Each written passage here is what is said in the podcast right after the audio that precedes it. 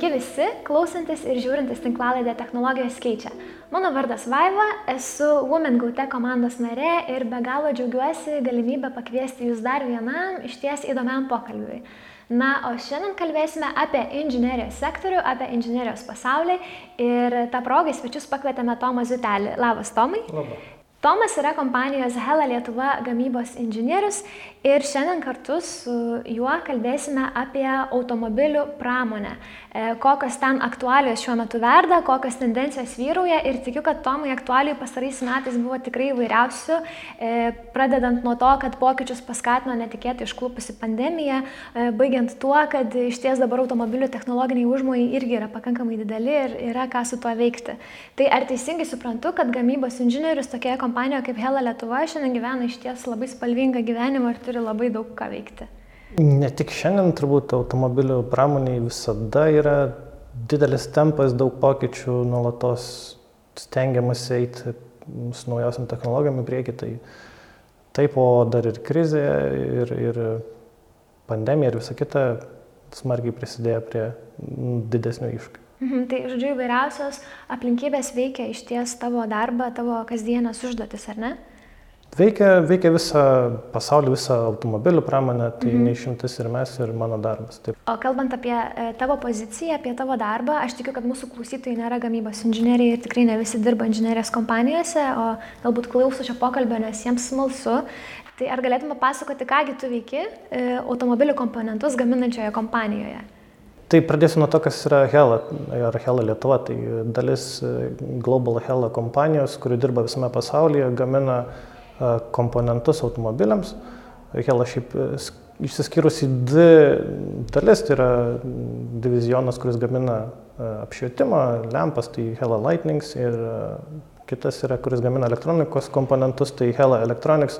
Tai mes priklausome tai Hela Electronics ir Lietuvoje įsikūrėm beveik prieš penkis metus vasarą švesim penktąjį gimtadienį, tai gaminame elektronikos komponentus, kuriuos po to randame kiekvienam automobilį.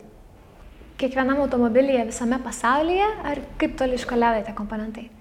Iš esmės per visą pasaulį, jeigu mes ne visus savo gaminius tiekime tiesiai automobilių gamintojams, tiekime tiem gamintojam, kurie surenka į didesnį komponentą ar detalį ir tada jisai keliauja automobilius, tai realiai važiuoja per visą pasaulį - Kinija, Amerika, Pietų Amerika. Tai... Mhm. Tai ar gerai suprantu, kad tie komponentai elektronikos, kuriuos jūs gaminate, tai nėra kažkoks baigtinis produktas, labai aiškiai visiems pažįstamų automobilio detalė, kuri jau keliauja tiesiai į automobilį. Tai yra tik dalis kažko e, tolimesnio, ar ne? Dalis komponentų yra kaip ir sakiau, tiesiai tiekiama gamintojam automobiliu, tai jisai tiesiai montuojasi automobiliu, dalis gaminių yra tik dalelė viso įrengimo, kuris vėliau atsiduria automobilyje. Mhm. Tai tų gaminių yra daug ir labai skirtingų. Mhm. E, o kalbant apie jūsų pačią gamyklą, mes kaip Women Gaute komanda kartu su bendruomenė kasmet turim išskirtinę galimybę pas jūs užsukti, pamatyti, kaip vyksta gamybos procesas ir išgirsti labai įdomių faktų. Tai kadangi mūsų klausytojai tikiu gamykloje nesilankė ir galbūt daugelio tų dalykų nežino, e, galbūt galėtum papasakoti, kaip vyksta pats komponentų gaminimo procesas nuo to, nežinau kaip tai pavadinti, e, prašymo pateikimo, užduoties pateikimo jūsų komandai iki tol, kol jis jau atsiduria automobilyje. Ja, tai gal pradėsiu nuo, nuo galo, tai nuo automobilių gamintojų. Mhm. Nesiniai perskaičiau, kad uh, Nuo to, kai automobilių gamintojas sugalvoja, kad jam reikia kažko naujos technologijos ar naujo komponento, iki tol, kol tas daiktas atsiduria pačiame automobilyje, praeina apie 72 mėnesius. Na, tai 6 metai. 6 metai. Tai dalį to laiko dirba tik automobilių gamintojas, tai yra tyria rinką, žiūri, ar tai apsimoka, ar neapsimoka, ar tai reikia galutiniam vartotojui ir taip toliau. Ir tada maždaug dviejų, trijų metų bėgiai ateina pas mus e, kaip gamintojus ir sako, man reikia, na, va, tai štai tokio daikto, kad atliktų va, tokią konkrečią funkciją. Ir nuo to laiko iki tol, kol pradedam serinę gamybą, praeina taip pat 2-3 metai. Tai mes pagal kliento norus e, kuriame dizainą, kaip bus surinktas tas komponentas, iš kokių dar mažesnių detalių jisai bus surinktas, testuojame, tada mes visą tą keliame pas save į gamybą. Tai yra padarom tai, kad būtų galima įgaminti seriniu būdu. Tai tam reikalinga įranga, tam reikalinga išplėtoti procesai ir taip toliau.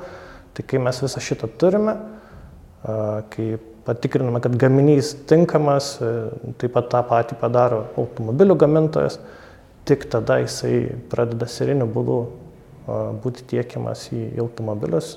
Tai kelias labai ilgas iš tikrųjų. Kaip ir sakiau, nuo idėjos iki atsidūrimo automobilyje 72 mėnesiai, tai 6 metai. Aišku, čia priklauso nuo, turbūt, nuo, nuo komponentų, nuo, nuo to, ar tai yra nauja technologija, ar tai yra tiesiog esamo gaminio ar patobulinimas, tai tas, aišku, gali sviruoti. Mhm. Jeigu tai yra nauja technologija, kas užtrunka ilgiausiai visame gamybos procese? Ar dizainas, ar labiau sukurti ir pagaminti yra ganėtinai paprasta, sunku yra įvertinti, ar tai bus saugus, tarkim. Dalykas. Tai automobilių pramoniai vienas svarbiausių dalykų yra saugumas, tai ko gero pats testavimas užtrunka didžiąją dalį laiko, nes tų testų priklausomai nuo koks tai yra gaminys yra labai įvairių. Tai pirmiausia, jo pats tas testavimas sąlygomis, kurios yra netgi kaip pasakyti, sudėtingesnės negu realiai bus automobiliai. Tai yra temperatūra didesnė ar ten apkrova didesnė negu teoriškai turėtų būti automobiliai. Tai tokiam sąlygom turi atlikti daug, daug ciklų, ten kartais milijonais ciklų, viena ar kita detalė turi atlikti savo funkciją ir turi funkcionuoti pilnai. Tai vien tik toks testavimas, vienas iš testų gali trukti nuo pusmečio, kartais net ir metus laiko. Tai tas atima daug e, laiko, žinoma, visas tas e, dizaino kūrimas, e, gamybos koncepto kūrimas lygiai taip pat užtrunka. Tai visa ta suma ten ir dinksta tie 2-3 metai. Mhm. Tai net sąlygas sukuria tokias pakankamai ekstremales lyginant su to. Tos sąlygos dažniau atveju ateina iš pačių automobilių gamintojų. Jie įsivertina, kokiom sąlygom dirbs tas komponentas. Bet visada, aišku, pasiliekama ta atsarga, dėl to testavimo aplinka yra daug, daug aukštesnės temperatūros ar slėgio ir taip toliau. Tai jinai mhm. tokia yra, kaip pasakyti, agresyvesnė. Mhm, man taip klausant įdomu, ar dažnai nutinka, kad produktas nepraeina to testavimo ir tada jūs ne, nebūtinai jūsų praktikoje, bet bendrai. E, ar, Žinoma, ar dažni tie atvejai? Būna, būna, kad net laiko tam tikrų testavimo lygių ar žingsnių, tai uh, tada grįžtama atgal prie brėžinių, prie įvertinimų, kokios medžiagos, kokie komponentai naudojami ir vėl padarome tam tikros korekcijos ir vėl testuojame. Tai dažnai, aišku, manau, kad retai kada iš pirmo karto gaunasi. Mhm. Ypač kuriant naujas technologijas. Bet viskas tobulėja, yra tam tikros skaičiavimo metodikos, projektavimo metodikos, tai tas leidžia įvertinti geriau, ar tai veiks ar ne. Mhm. Tai tas klaidos šansas gerokai mažesnis darosi. Taip, bet aišku, neišvengiama tų klaidų ir aišku, jos vienokiu ar kitokiu būdu ištaisomos, gerinant tą dizainą. Netgi ir taip, jeigu sukūriam veikiantį komponentą, jisai puikiai veikia, atlieka funkciją, visada automobilių pramonė vadovavimasi tuo nuolatinio tobulėjimo principu, reiškia, mes sukūrė vieną pirmą generaciją, sakykime, mes kūrėm antrą versiją, tai yra, kad jis būtų, nežinau, ar pigesnis, ar efektyvesnis ir pasiūlyti tokį komponentą mūsų klientam, jie irgi, aišku, džiaugiasi, gali sumažinti e, gamybos, gamybos kaštus e, ir stupyti gal vietos automobilė. Tai tas vystimasis visą laiką vyksta nesustojant. Mhm. Man iš ties įstrigo tie šeši metai toks geras vidurkis, užtrunka, kurie užtrunka iki tol, kol klientas sugalvoja ar ne, kad norime kažką įdėkti, sukurti, iki kol jau tikrai tai yra pagaminta, ištestuota ir atiduota, įdėta į automobilį. E, O žiūrint iš šono atrodo, ar ne, kad viskas, kas susijęs su technologijomis, šiandien be galo sparčiai keičiasi ir naujovės e, tiek turbūt tiek automobilių rinkoje viena po kitos vis ateina. Tai kaip čia gaunasi? Ar, ar klientai e, turi tiek ilgai laukti ir iš tikrųjų tai, ką mes šiandien matome kaip kažkokį technologinį sprendimą automobiliuose labai naujovišką, iš tikrųjų nėra visai naujoviška, nes jūs jau daug metų tai gaminate. Ar, ar visgi tenka kartais ir pasispausti, paskubėti, kad suspėtų su naujomis tendencijomis visa gamyba? Manau, kad gamintojai automobilių jie planuoja, turi strategiją, maždaug įsivaizduoja, kas bus, nežinau, po penkių metų, ką norėsime turėti automobiliuose. Ir tos technologijos atitinkamai ir vystomos. Ir Aišku, mes negaminame tai, kas bus naudojama po penkių metų, mes dar tik tais ruošiamės tam gaminti. Tai yra, mes žinom tą technologiją, mes žinom, kaip tai veiks, bet fiziškai tas daiktas seriniu būdu nu, dar nėra gaminamas. Realiai, jeigu mes jau pradedam seriniu būdu gaminti ir tiek, tai lygiai grečiai turbūt ten e, savaičių mėnesių klausimas, kada pradeda automobilių gamintas, dėti į automobilius.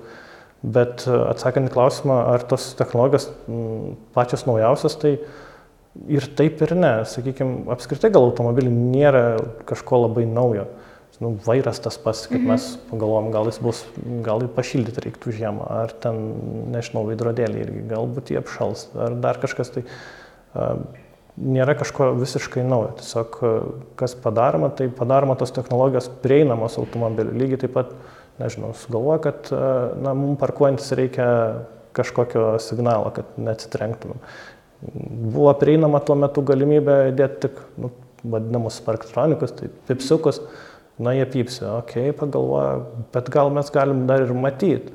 Įdėjom kamerą, galbūt dar ta kamera gali rodyti automobilio gabaritus. Na tai realiai technologija iš esmės tas ta patinai padeda mums parkuotis, bet išsivystė iki to, kad mes nu, galim nebežiūrėti jau praktiškai veidrodėlius, mums viską rodo. Tai ne tai, kad yra naujos technologijos kūrimas, bet gal esamos tobulinimas, mhm. aš sakyčiau.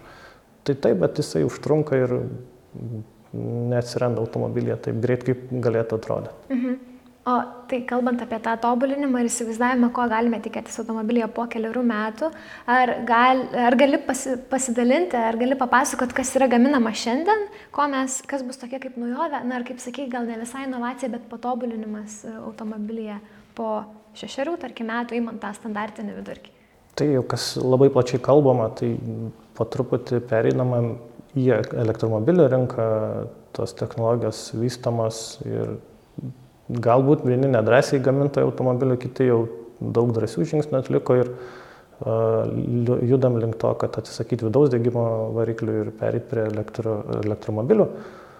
Uh, tai tas nieko naujo, bet to kas labai sparčiai vystosi, tai mm, pagalbinės visokios priemonės vairuotojai, tai visi davikliai atstumo, sakykime, kameros, juostų palaikymo technologijos ir visa kita. Tai yra visos pagalbinės priemonės vairuotojui, kad pirmą jisai važiuotų saugiau, na ir jam būtų patogiau.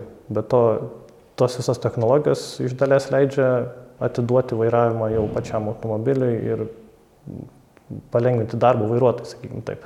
Tai judama link to, pati Hela, mes Lietuvoje gaminam e, atstumo sensorius, radarus vadinamus, e, tai jis praktiškai gaminys, kuris į kiekvieną naują automobilį ir ne po vieną keliauja ir ta gamyba toliau plečiasi, nes matome, kad yra didelis poreikis, e, nes ko gero kiekvienas automobilio gamintas galvoja apie saugumą ir apie savo klientą, kad a, jisai patogiau tam automobiliu jaustųsi. Tai, vat, ta, ta linkme ir judama, ko gero, automobilių pasaulyje. Mm. Tai žodžiu, e, elektromobiliai ir autonominis vairavimas yra kažkas, ko jau galim e, tikėtis gal net pilnai gyvendinto netolimoje ateityje. Ar kaip tu manai, ta ateitis vis dar tolima, nes užtruks, kol, kol viską mm, išgaminsim, ištestuosim ir įdėksim.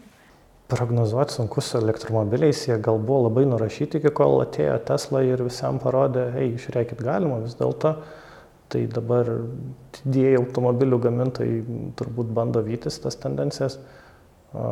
Ko gero ribojantis faktorius šitoje vietoje yra baterijos, jų technologijos talpa ir aišku visa infrastruktūra. Tiek metų buvo pritaikyta vidaus degimo varikliais varantiem automobiliam, tai visas kūro kolonėlis ir taip toliau.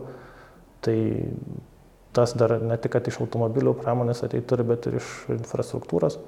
Na, autonominis vairavimas, jisai gan patobulėjo, sakykime, kaip galima žinoti, turime penkis tos autonomijos lygius, mhm. tai, sakykime, esame tvirtai trečiame lygyje, kas reiškia, kad automobilio vairuotojas šiek trumpą laiko dalį gali nukreipti dėmesį nuo vairavimo. Tai turbūt dažname naujame automobilyje komplektacijoje randame ir atstumo palaikymo, juostų palaikymo, netgi ir ženklus nuskaitančias technologijas. Tai Tas leidžia kartkartimės vairuotojui paleisti vairą ir nežiūrėti į kelią. Šito... Ko nebūtinai rekomenduojame daryti, ar ne? Tikrai taip, ir automobilis turi įspėjimo signalus ir dažnu atveju po keletą sekundžių liepia uždėti rankas ant vairo. Ir turbūt lipame ant to ketvirto laipelio, laiptelio, kur automobilis jau pats pradės vairuoti su tam tikrais įsikišimais iš vairuotojų. Bet šitoje vietoje turbūt labiausiai riboja irgi infrastruktūra, nes turėtų būti tvarkingai subražytos linijos, juostos, ženklai ir taip toliau. Be to, teisiniai dalykai, kas bus atsakingas, jeigu automobilis mhm. nuspręs važiuoti ten ar nesustoti ir taip toliau. Ir ko gero, šiai dienai esančios technologijos pagalbinės vairuotojai, tai jos jau kaip ir leistų automobiliui savarankiškai judėti.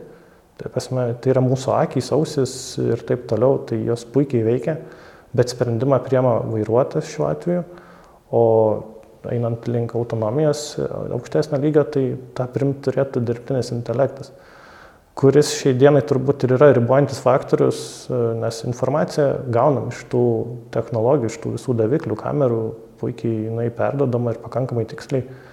Vat ją apdoroti ir uh, primti sprendimą, pasukti, stabdyti ir taip toliau. Čia jau yra dirbtinio intelekto, tai yra to smegenų automobilio darbas ir turbūt šiai dienai nedaug automobilių gamintojų turi tą technologiją. Ką galim matyti, turbūt Tesla čia lyderiauja, matėm turbūt daugelis visokių video internete, kur tai mėgantis, tai knygą skaitantis vairuotojas. Ir Tesla beje, jei neklystu, gal 2017 jau prognozavo, tai yra prognozavo anksčiau, kad 2017 jau pristatys visiškai autonominį automobilį. Tai kaip suprantu, yra daug kliūčių, kur, kaip ir pats minėjai, kur jo, bet sakau, iš, viskas paprasta. Iš automobilio technologinės pusės, iš tų sistemų, tai jos kaip ir leistų tą daryti, bet yra sprendimų prieimėjas, kuris turi veikti pakankamai tiksliai. Na ir čia, aišku, vėlgi teisiniai dalykai, jeigu paleisim automobilį visiškai laisvai važiuoti, be jokio vairuotojo, kas yra penktas autonomijos lygis, kai tai nebereikia. Tai vairuotojas visiškai neįsikiša, ar kad jam net nebūtina būti automobilyje? Nėra tokio dalyko kaip vairuotojo, automobilis važiuoja pats. O kam, jis veža daiktus? Ne, tai žmonės veža, Ai, supratau, tu jau esi tiesiog... pilnai keleivis, tau nebereikia kištis į tą automobilio darbą. Tai čia ir tas penktas aukščiausias autonomijos. Kol kas utopija dar, ar ne? Dabar galim sakyti utopija, bet gal po kokių penkių metų žmonės iš mūsų juoksis, sėdėdami ant galinės sėdinės ir važiuodami, bet tam daug reikia, reikia tą dirbtinį intelektą, kaip minėjau, vystyti, infrastruktūrą, ko gero ir komunikacija turėtų atsirasti tarp automobilis, automobilio, automobilis su, nežinau, kažkokiais kelių ženklais ir taip toliau, kas turėtų tiesiogiai diek, tiekti informaciją apie eismo sąlygas. Nes, sakykime, jeigu turi žemėlapį, yra kelias, bet ten kelias perkastas, automobilis tą turi žinoti. Mhm daug yra niuansų, ko gero, ir čia jau ne, jie susiveda ne tik į patį automobilį, bet ir dar daugelį kitų dalykų. Mhm. Ir aš klausydama ir bandydama įsivaizduoti tokį automobilį, ne, kur, kuris ir, ir žino, kad kelio e, darbai vyksta ir gale tiesiog sėdi žmonės ir nėra vairuotoja, iš karto bandau įsivaizduoti, kiek ten yra komponentų, su kuriais jūs e, dirbate, kuriuos jūs gaminate. Tai ir kokia yra kompleksiška e, visa šita gamybos sistema ir kiek ten daug turi būti tiekėjų ir gamintojų. Aš truputėlį pradžioje užsiminiau apie pandemiją ir apie tai, kad na, mes iš tiesų girdėjom, kad automobilių pramonė stipriai palėtė tie tiekimo trukdžiai. Tai man įdomu, Hela Lietuva pati kaip kompanija, kiek yra stipriai priklausoma irgi nuo kitų gamintojų, nuo kitų tiekėjų. E, ar jūsų komponentai gali būti nepriklausomai gaminami kurtis viduje ir tada kažkur iškeliauti, ar visgi, jeigu toks vat yra kaip pandemija ir tiekimo trikdis, jau ir jums tenka sustoti ir kažkaip pergalvoti visus darbo procesus? Mes esam to bendros automobilių pramonės dalis, mes negalim funkcionuoti vieni patys, tai natūralu, kad jeigu ta tiekimo grandinė trukinėja, tai jinai paliečia absoliučiai visus. Jeigu įsivaizdavimui automobilis turi apie 30 tūkstančių turbūt komponentų, jeigu skaičiuosim smulkesnius, jeigu stambiom dalim skaičiuosim vidutiniškai iki 2000. Kiekvienam tam komponentai yra tiekėjas, gamintojas ir ta grandinė yra pakankamai ilga. Tai pandemija nieks jos neplanavo, o tiekimas automobilių pramoniai planuojamas, nežinau, apie du metus į priekį maždaug. Tai tas nebuvo planuota, reiškia, automobilių gamintojai galvoja, mes gaminsim, mes parduosim tokias tendencijos ir staiga viskas užsidaro. Žmonės uždaryti namuose.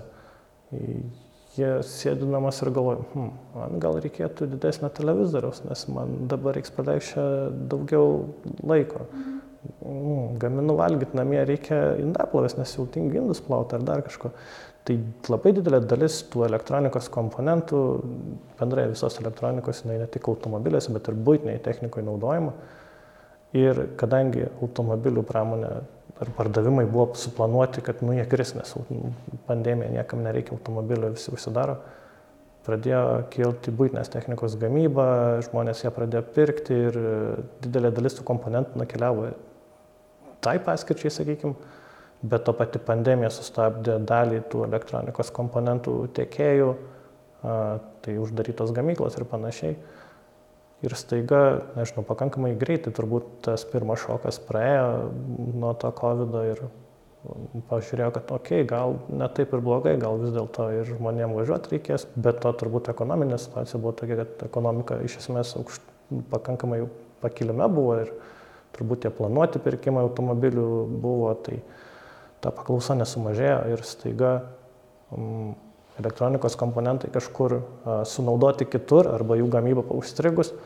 Čia buvo sustojimas, bet staiga galvoja, kad ne vis dėlto reikia vytis planus ir turime čia nutrūko, čia tempiam ir prasideda didelės problemas. Iš esmės tiekėjai neturi iš ko gaminti arba jeigu ir turi gaminti, bet automobilis, kaip sakiau, iš daug, daug detalių susi, susideda ir jeigu vienos trūksta, jis negali išvažiuoti iš gamyklos, reiškia, tūkstantis detalių atvažiavo, kitas tūkstantis ne. Tie, kurie gali gaminti, iš jų nebereikia, sakykime, tai didžiulė tokia suirutė, sakyčiau, buvo, bet e, dabar per tam tikrą periodą viskas stojasi į vežes, viskas normalizuojasi bet e, bendrai įsivaizduojant automobilių pramonė, ta tiekimo grandinė labai ilga ir ta jeigu banga nuvilnyja per, per visus nuo smulkiausio varštelio ar ten laidelio gamintojo iki galutinio gamintojo. Tai. Mhm. Bet dabar jau atsigauna po truputį. Dabar normalizuojasi, aš nežinau iš tikrųjų, kaip dabar yra, anksčiau bent jau pusmetį atgal ar metus atgal, jeigu norėjai įsigyti autonom, naują automobilį, turbūt turėjai laukti be ne metus laiko, kol jį pristatys. Šiuo metu neteko domėtis, bet turbūt turėjo pagerėti situacija. Tomai, tai e, dar prieš šitą pokalbį su tavim šiek tiek šnektelėjome apie Lietuvos perspektyvas inžinierijos sektoriuje ir iš tikrųjų piešiasi visai neprasta ateitis. Matome, kad ateina nemažai ir stiprių žaidėjų į Lietuvos rinką iš užsienio. E, kartu turime, tikiu ir Hela Lietuva turi tikrai pakankamai daug užsakymų. Lietuva ir strateginėme, strateginėme ligmenyje mato save kaip pakankamai stiprią žaidėją inžinierijos sektoriui. Ar galėtų man papasakoti kaip žmogus iš to sektoriaus, kurgi yra mūsų stiprybės ir, ir ką mes galėtumėm padaryti, kad iš tikrųjų ta strategija būti stipriu žaidėju kuo puikiausiai pildytųsi ir, ir testusi? Tai taip, turim daug iš tikrųjų jaunų, entuziastingų žmonių, turim keletą universitetų, kurie, manau, pakankamai stipriai ruošia žmonės technologijos rytyje. Tai šitas turbūt yra pagrindinė varomoji jėga, dėl ko Lietuva iš vis e, masto, kad e, strategiškai, kad tai turėtų būti mūsų arkliukas, tai yra inžinierija, technologijos ir taip toliau. Kuo mes galim, nežinau, pasigirti ar stipresni negu kiti, ko gero, va, tas jaunatviškas entuzijazmas, kad mes gal neturim daug patirties, ypač automotivų srityje. Mes pakankamai žali šitoj vietoj, bet mes turim savo užsienio partnerius, kuriam teikia labai daug tos patirties, išvalgų ir taip toliau. Bet kas yra patirtis, jeigu, sakykime, dirbi 20 metų tą patį dalyką, tu susidari dažnai su tom pačiom problemom. Ir dažnu atveju, tu, jeigu tau pirmo atveju pavyko labai gerai spręsti tą problemą, antrą kartą tu galvoji, okei, okay, aš spręsiu ją dar kartą lygiai taip pat. Bet tiek automotiv, tiek visam pasauliui viskas keičiasi labai smarkiai ir galbūt jeigu prieš metus ta problema, tai problemai tas sprendimas buvo pats geriausias, po metų galbūt ne, galbūt yra geresnių sprendimų. Tai va šitoje vietoje žmonės, kurie neturi patirties, bet turi stiprų vadinamą backgroundą technikoje, nežinau, vis tiek mes mokomės universitetuose, mus paruošia fizikos, mechanikos žinias tikrai neblogos. Tai turint šitą supratimą, turint e, naujas akis į tą problemą, galima rasti daug, galbūt netgi geresnių sprendimų. Tai vat, e, tik tais ta patirtis iš mūsų užsienio partnerių, jinai mus pakoordinuoja, jinai kartais nukreipia, gerai, gerai mastot, blogai mastot, šitą jau bandėm, nepavyko, o gerai, šito ne, galbūt šito nebandėm, galim įvertinti, gerai, negerai. Tai kartu dirbant su, su užsienio partneriais, manau, kad turim šviesę ateitį, nes manau, kad turim norą pirmiausia. Tai va tas, tas turbūt ir vedamas prieki. Mhm, labai džiugu girdėti, tai mūsų visas potencialas, motivacijoje ir, ir kaip ir sakėjai, norė, ar ne, ir yra. Ir būtent jaunų specialistų, ir, ir tų, kurie jau pradėjo įgyti patirties dirbdami. Bet to mes turim, kaip pasakyti, tokią persvarą prieš kitus. E, jeigu mes turim norą, bet dar ir turim patirti kitų jų išmoktas pamokas, mums nebereikia patiems daryti tų klaidų, kurios jau buvo padarytos, tai mes galim sparčiai vytis uh, tuos lyderiaujančius, sakykime, šalis, valstybės ar, ar, ar inžinierijos gigantus, tai mes galim juos vytis, nes mes galim naudoti jų išmoktas pamokas. Mhm. Tai žodžiu, šokam jau į pakankamai sparčiai važiuojant į traukinį, svarbiausia tą tempą palaikyti, ar ne? Tas taip, tas taip. E, tai ačiū Tomai, visų pirma labai smagu girdėti teigiamas prognozes mūsų šalies ir specialistų atžvilgių. Visų antra yra džiugu žinoti, kad turim tokių stiprių žaidėjų ir, ir iš ties tą temą turbūt galėtum dar ilgai plėtoti, bet ir, ir mūsų tinklalaidės laikas mus spaudžia. Tai čia e, šią, šią minutę noriu tau padėkoti, kartu padėkoti visiems žiūrovam ir mūsų tinklalaidės klausytojams. E, čia buvo Women Go Tech tinklalaidė technologijos keičia ir dar kartą primenu, kad e, jos epizodus galite rasti YouTube kanale, 15min.lt portale bei Spotify. Tai klausykit ir domėkitės technologijom, nes temų tikrai turėsim ne vieną ir dar labai įdomią. Ačiū Tomai. Ačiū.